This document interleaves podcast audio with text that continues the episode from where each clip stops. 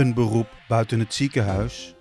Zeker, want daar liggen grote kansen en uitdagingen. En toen las ik uh, de vacature voor een jeugdarts en toen dacht ik, huh, maar dit is eigenlijk precies wat ik interessant vind. Benieuwd naar de mogelijkheden?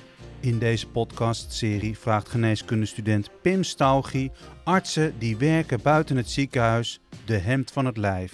En pas later ben ik erachter gekomen van nou in Nederland hebben we ook kinderen en jongeren die echt onze hulp nodig hebben. Vandaag spreekt Pim met jeugdarts Elise Beket. Welkom Elise, ik ben heel erg benieuwd. Hoe ziet een dag van een jeugdarts eruit? De dag van een jeugdarts is eigenlijk uh, gevarieerd. We doen uh, verschillende dingen, waaronder uh, spreekuur natuurlijk, waarbij we jongeren zien, maar ook kinderen. En sommige jeugdartsen zien ook baby's, dus van 0 tot 18 jaar. En daarnaast doen we ook beleidsadvisering richting de gemeente.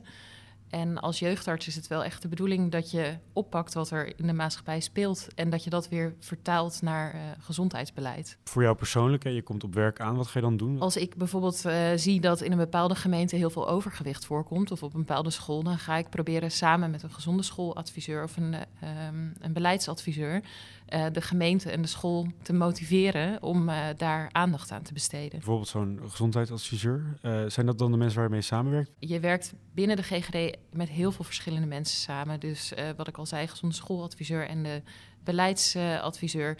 maar nou, tijdens corona werkten we ook samen met uh, artsen van de infectieziektebestrijding. Uh, nou, en zo zijn er allerlei afdelingen. ook de onderzoeksafdeling werken we mee samen. Want de GGD doet gezondheidsonderzoeken en verzamelt heel veel informatie. Daar kunnen wij ook weer wat mee. En dat kunnen we ook weer vertalen naar de praktijk. en daar ja, dus echt mee in de praktijk aan de gang uh, gaan. Hoe hou jij uitdaging uit je vak? Nou, uh, op verschillende manieren. Onder andere door uh, mijn promotie die ik naast mijn werk als jeugdarts doe en naast mijn opleiding. En ik heb dat zelf heb ik dat, geregeld omdat ik het belangrijk vind dat de jeugdgezondheidszorg professionaliseert. Ook omdat het heel erg leuk is om in een onderwerp in te duiken. Ik doe onderzoek naar mentale gezondheid bij jongeren. En het lijkt mij heel erg interessant dat we beter begrijpen wat jongeren onder mentale gezondheid verstaan. En dat we zo eigenlijk beter nog die jongeren kunnen helpen.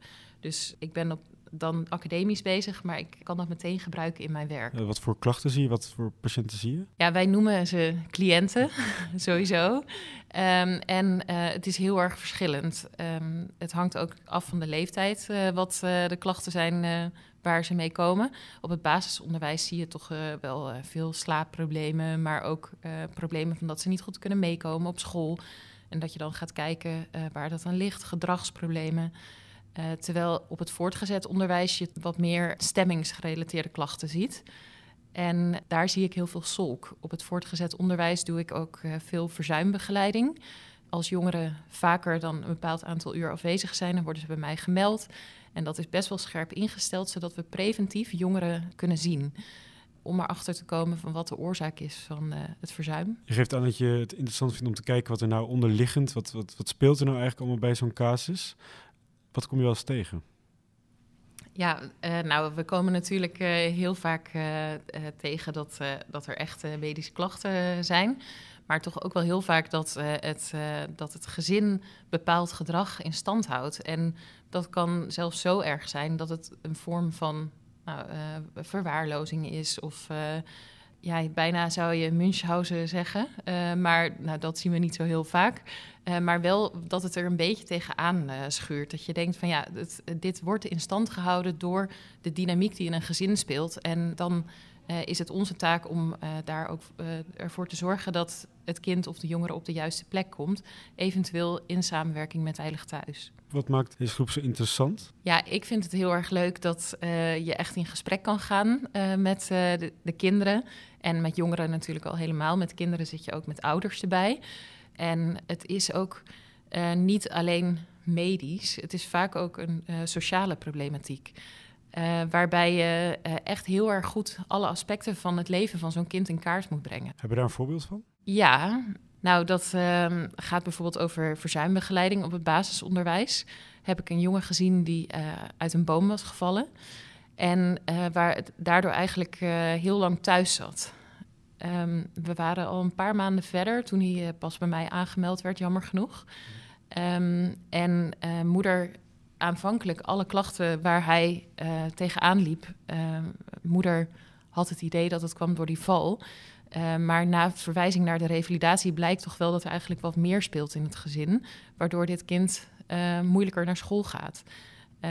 en als jeugdarts is het wel echt je taak om te kijken van is dan de revalidatie een goede plek, maar je had ook bijvoorbeeld voor nou, systeemtherapie kunnen kiezen ehm, eh, als uh, dat op dat moment uh, logischer lijkt. Is dat dan ook wat de kick geeft, dat je dat probeert bloot te leggen van wat ligt er nou echt onder? Ja, ik vind het heel erg leuk. En wat ik ook heel erg leuk vind, is dat je preventief bezig bent. Dus soms signaleer je een probleem en dan hebben mensen dat zelf nog niet echt door. En dan moet je echt met gespreksvaardigheden moet je, uh, mensen dan meenemen en uh, de juiste hulp geven voordat het een groter probleem wordt. Maar hoe ben je erachter gekomen dat jij dat leuk vond? Eigenlijk uh, heb ik nooit gedacht ik ga jeugdarts worden.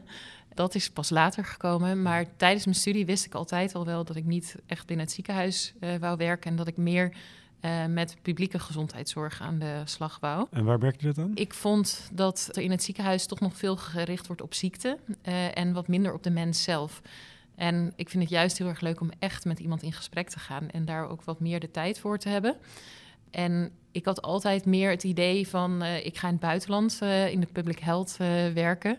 Want dat, dat zie je dan ook op tv voorbij komen. En ik dacht, nou, daar is het echt nodig. En pas later ben ik erachter gekomen van, nou, in Nederland hebben we ook kinderen en jongeren die echt onze hulp nodig hebben. Um, en uh, heb ik ook de relevantie ingezien van de uh, publieke gezondheidszorg hier in Nederland. Is er een specifiek moment waar je aan terug kan denken van nou, oh wow, uh, ik kan hier ook heel veel betekenen? Tijdens mijn wachttijd voor mijn kooschappen had ik medische antropologie vakken gedaan. wat ik zelf heel erg verrijkend vond om echt te leren te denken vanuit het perspectief van de ander. En uh, ik heb een stage gedaan uh, bij de VN in Jordanië en Palestina en ook uiteindelijk bij de WHO. Uh, dus daar heb ik heel veel geleerd en gezien. En toen deed ik mijn uh, oudste kooschap en ging ik solliciteren hier in Nederland, uh, omdat het toch wel moeilijk is om meteen in het buitenland aan het werk te gaan. En toen las ik de vacature voor een jeugdarts en toen dacht ik, huh, maar dit is eigenlijk precies wat ik interessant vind, maar dan in Nederland. dus zo ben ik er toevallig achter gekomen dat de jeugdgezondheidszorg voor, ja, bij mij paste. Uh, hoe kom ik erachter wat ik wil gaan doen? Ik vind dat wel lastig. Ik denk dat het heel erg persoonlijk is, maar dat je ook echt, echt uh, zelf moet gaan kijken van wat vind ik interessant, uh, wat vind ik belangrijk. Ik denk dat we tijdens de studie heel erg focussen op het ziekenhuis en welke specialismes daar aanwezig zijn, maar dat je zelf nou eens opschrijft van nou wat vind ik, wat vind ik interessant en leuk en dat je dan gaat kijken waar dat bij past. En dat hoeft dus niet per se in het ziekenhuis te zijn. Oké, okay, ga ik doen. Pitch mij nu eens de jeugdarts. Waarom wil ik jeugdarts worden? Nou, ik denk dat jeugdarts zijn heel erg leuk is, omdat je heel erg breed uh, bezig bent met kinderen en heel erg divers met heel veel verschillende disciplines uh, in aanraking komt. Ook met uh, de eerste lijn, maar ook met de derde lijn. En ehm, je kan het ook zo breed maken als je zelf wilt. de opleiding is tegenwoordig tot artsmaatschappij en gezondheid. Dus dat is al uh, nog meer overstijgend. En je kan er later voor kiezen om overstijgend te werk te gaan als generalist. Maar je kan ook als specialist nog binnen de jeugdgezondheidszorg blijven werken. Uh, dus je hebt heel veel eigen keuze daarin van uh, waar je op wil op richten. Dankjewel. Je luisterde naar de podcast Dokters buiten het ziekenhuis. Gepresenteerd door Pim Staugie. In deze aflevering sprak Pim met jeugdarts Elise Beket. Wil je meer dokters buiten het ziekenhuis horen? Luister dan naar de andere podcastclips. Die vind je op studiovu.nl.